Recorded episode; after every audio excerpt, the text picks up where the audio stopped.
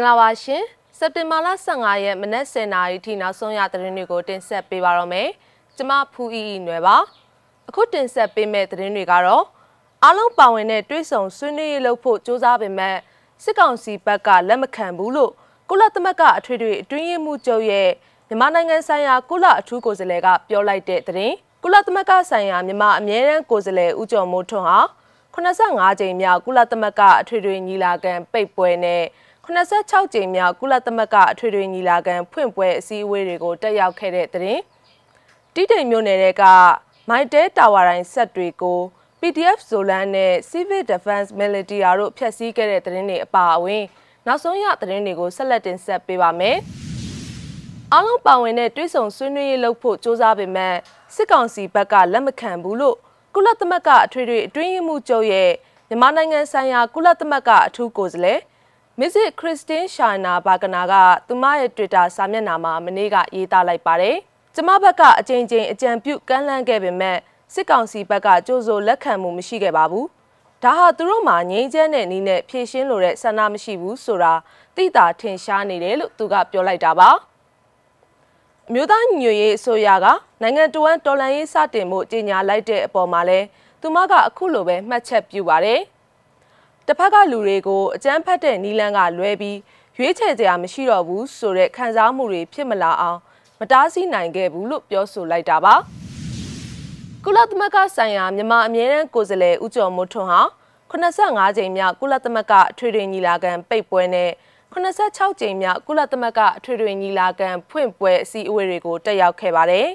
။တမ်မတ်ကြီးဦးကျော်မိုးထွန်းကိုကုလသမဂ္ဂဆိုင်ရာမြန်မာအမြဲတမ်းကိုယ်စားလှယ်အဖြစ် နိုဝင်ဘာလအထိဆက်လက်ခန့်ထားဖို့အမေရိကန်နဲ့တရုတ်တို့အကြားသဘောတူထားကြောင်းအမေရိကန်အခြေစိုက် Foreign Policy Magazine ရဲ့အင်တာနက်စာမျက်နှာမှာရေးသားထားခဲ့ပါတယ်။မြန်မာအာဏာသိမ်းစစ်ကောင်စီရဲ့ကိုယ်စားလှယ်စစ်ဖက်အရာရှိအောင်ဦးအောင်သူရင်ကိုကုလညီလာခံမှာဆွေးနွေးခွင့်မပေးဖို့အမေရိကန်နဲ့တရုတ်အကြားသဘောတူထားတယ်လို့လည်းတန်တမန်တွေရဲ့ပြောဆိုချက်ကိုကိုးကားပြီး Foreign Policy Magazine ကရေးသားထားခဲ့ပါတယ်။ကုလသမဂ္ဂမှာနေရာမရရှိခြင်းက ဖေဖော်ဝါရီလ၁ရက်နေ့အာဏာသိမ်းပြီးနောက်နိုင်ငံတကာအတိအမှတ်ပြုမှုရရှိရေးအသေးအတန်ကြိုးပမ်းနေတဲ့စစ်ကောင်စီအတွက်တော့ကြီးမားတဲ့ထိုးချက်ဖြစ်စေပါတယ်။ကုလဆိုင်ရာနိုင်ငံကိုစားပြုခွင့်အရေးချင်းစစ်ကော်မတီရဲ့စစ်စစ်ထောက်ခံမှုရလက်ထွက်ပေါ်မဲ့အချိန်ဖြစ်တဲ့နိုဝင်ဘာလအထိနှောင့်နှေးထားစီမှာလည်းဖြစ်ပါတယ်။မြန်မာနိုင်ငံအတွက်ဘယ်သူကကုလဆိုင်ရာကိုယ်စားလှယ်အဖြစ် ကိုစားပြုနိုင်မလဲဆိုတာကိုစစ်စစ်သုံးသပ်ရွေးချယ်သွားမယ်အထွေထွေညီလာခံရဲ့အရေးချင်းစစ်ကော်မတီအဖွဲ့ဝင်နိုင်ငံတွေကိုလည်းစက်တင်ဘာလ14ရက်မှာရွေးချယ်ခန့်အပ်ခဲ့ပါတယ်အရေးချင်းစစ်ကော်မတီမှာအဖွဲ့ဝင်နိုင်ငံတွေအဖြစ်ဘဟားမတ်စ်ဘူတန်ချီလီတရုတ်ရုရှားစီရာလွန်တောင်အာဖရိကဆွီဒင်နဲ့အမေရိကန်ပြည်အောင်စုတို့ပါဝင်ပါတယ်နောက်ထပ်သတင်းတစ်ပုဒ်အနေနဲ့ ချင်းပြည်နယ်တီးတိမ်မြို့နယ်မြို့လေကောင်စေယုံကြီးနားမှာရှိတဲ့စေအုပ်စုပိုင်းမိုင်းတဲတာဝါတိုင်းရှိဆက်တွေကိုပူးပေါင်းအဖွဲ့တွေဖြစ်တဲ့ PDF ဇိုလန်နဲ့ Civil Defense Military CDM အဖွဲ့တို့ကစက်တင်ဘာလ14ရက်ည10:00နာရီဝန်းကျင်ကဖျက်ဆီးခဲ့တယ်လို့သိရပါတယ်။တိုင်တွေတော့မလဲခဲ့ဘူး။အဓိကကတော့ဆက်တွေပဲဖျက်ဆီးခဲ့ပါတယ်လို့ Civil Defense Military ကတာဝန်ရှိသူတအူးကပြောပါတယ်။ပြီးခဲ့တဲ့စက်တင်ဘာလ9ရက်နေ့က ကနေဒီတောင်ခြေရင်းရှိတာဝါတိုင်းခိုင်ကမ်းမြို့ရှိတာဝါတိုင်းနဲ့စက်တင်ဘာလ10ရက်17ရက်နေ့တွေမှာတီးတိမ်မြို့အဝင်ရှိတာဝါတိုင်းတွေကဆက်တွေကိုလည်းဖျက်ဆီးထားခဲ့တယ်လို့သိရပါဗျ။ရန်ကုန်တိုင်းလဲကူးမြို့နယ်မှာစက်တင်ဘာလဒုတိယပတ်အတွင်းဒလန်နှဦးတနက်ပစ်ခံရပြီးတဦးသေဆုံးခဲ့တဲ့အတွက်စစ်ကောင်စီတပ်ကအ ਨੇ ဆုံးပြည်သူ9ဦးကိုဖမ်းဆီးခဲ့ပြီးအချို့ကိုပြန်လွှတ်ပေးခဲ့တယ်လို့သိရပါဗျ။ စက်တင်ဘာလ12ရက်ည7:00နာရီလောက်မှာအရှိမင်းလမ်းမကြီးပြည်တော်သာရက်ကွက်ရှိဝိဇာဓာတ်ပုံဆိုင်ကိုစစ်ကောင်စီတပ်သားတွေဝင်ရောက်လာပြီးဝိဇာဓာတ်ပုံဆိုင်ပိုင်ရှင်ဦးမြတ်စောထွအပါအဝင်3ဦးကိုဖမ်းဆီးသွားတယ်လို့သူတို့ရဲ့မိသားစုတွေနဲ့နှီးဆက်သူတွေကပြောပါတယ်။စက်တင်ဘာလ10ရက်မှာဇီယကွင်းကျေးရွာကလူငယ်မြစ်တာပရိုက်တာအသင်းကိုနှစ်ရက်ဆက်တိုက်ညအချိန်ဝင်ရောက်စီးနင်းခဲ့ပြီးအသင်းသားအနည်းဆုံး3ဦးလောက်ကိုဖမ်းဆီးထားခဲ့ပါတယ်။ ဒါကြောင့်လူငယ်မြစ်တာပရိုက်တာအသင်းကလည်းအသင်းကိုအကန့်အသတ်မရှိရနာကြောင်းကြေညာချက်ထုတ်ပြန်ထားပါတယ်။ဝိဇာဓာတ်ပုံဆိုင်ပိုင်ရှင်ဦးမြတ်စောထူဟာလက်ခုမြို့မှာကိုပိုင်ဘာသာတင်ဆရာတဦးလည်းဖြစ်ပါတယ်။သူနဲ့အတူဖမ်းဆီးခံရတဲ့သူတပည့်နှစ်ဦးကိုပြန်လွှတ်ပေးလိုက်တယ်လို့သိရပြီးဦးမြတ်စောထူကိုနှိပ်စက်ထားကြောင်းနဲ့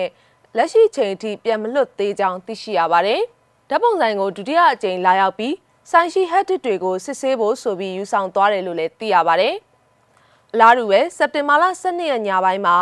တီရာရေးခုနှစ်လမ်းအတွင်းက NLD ရဲကြီးအချို့ရဲ့အိမ်ကိုလည်းစစ်ကောင်စီအဖွဲ့တွေကဝင်ရောက်စီးနင်းမှုတွေပြုလုပ်ခဲ့တယ်လို့သတင်းရင်းမြစ်တွေအရသိရပါတယ်။စက်တင်ဘာလ23ရက်ညပိုင်းက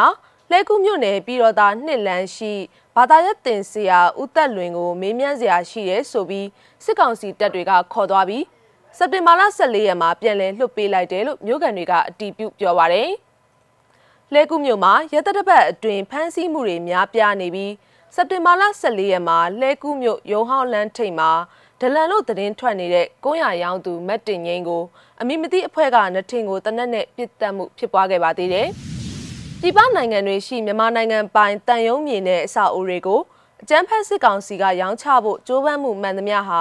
တရားဝင်မှုလုံးဝမရှိဘူးလို့မြို့သားညွရေးဆိုရ NUG ကကြေညာလိုက်ပါတယ်။ပြည်သူ့ဆန္ဒကိုစန့်ကျင်ပြီး လက်နက်အားကိုမတရားနည်းနဲ့အတင်းအဓမ္မအာဏာသိမ်းယူထားခဲ့တဲ့စစ်ကောင်စီကိုကုလအပါအဝင်ဘယ်ကမ္ဘာနိုင်ငံကမှ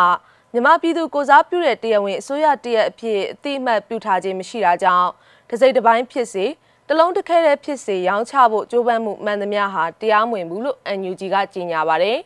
။အဲဒီလိုရောင်းဝယ်မှုတွေကိုလုံးဝမလုပ်ဖို့လဲအထူးသတိပေးတားမြစ်လိုက်တယ်လို့စက်တင်ဘာလ14ရက်ရက်စွဲနဲ့ထုတ်ပြန်လိုက်တဲ့ NUG ရဲ့ကြေညာချက်မှာပါရှိပါတယ်။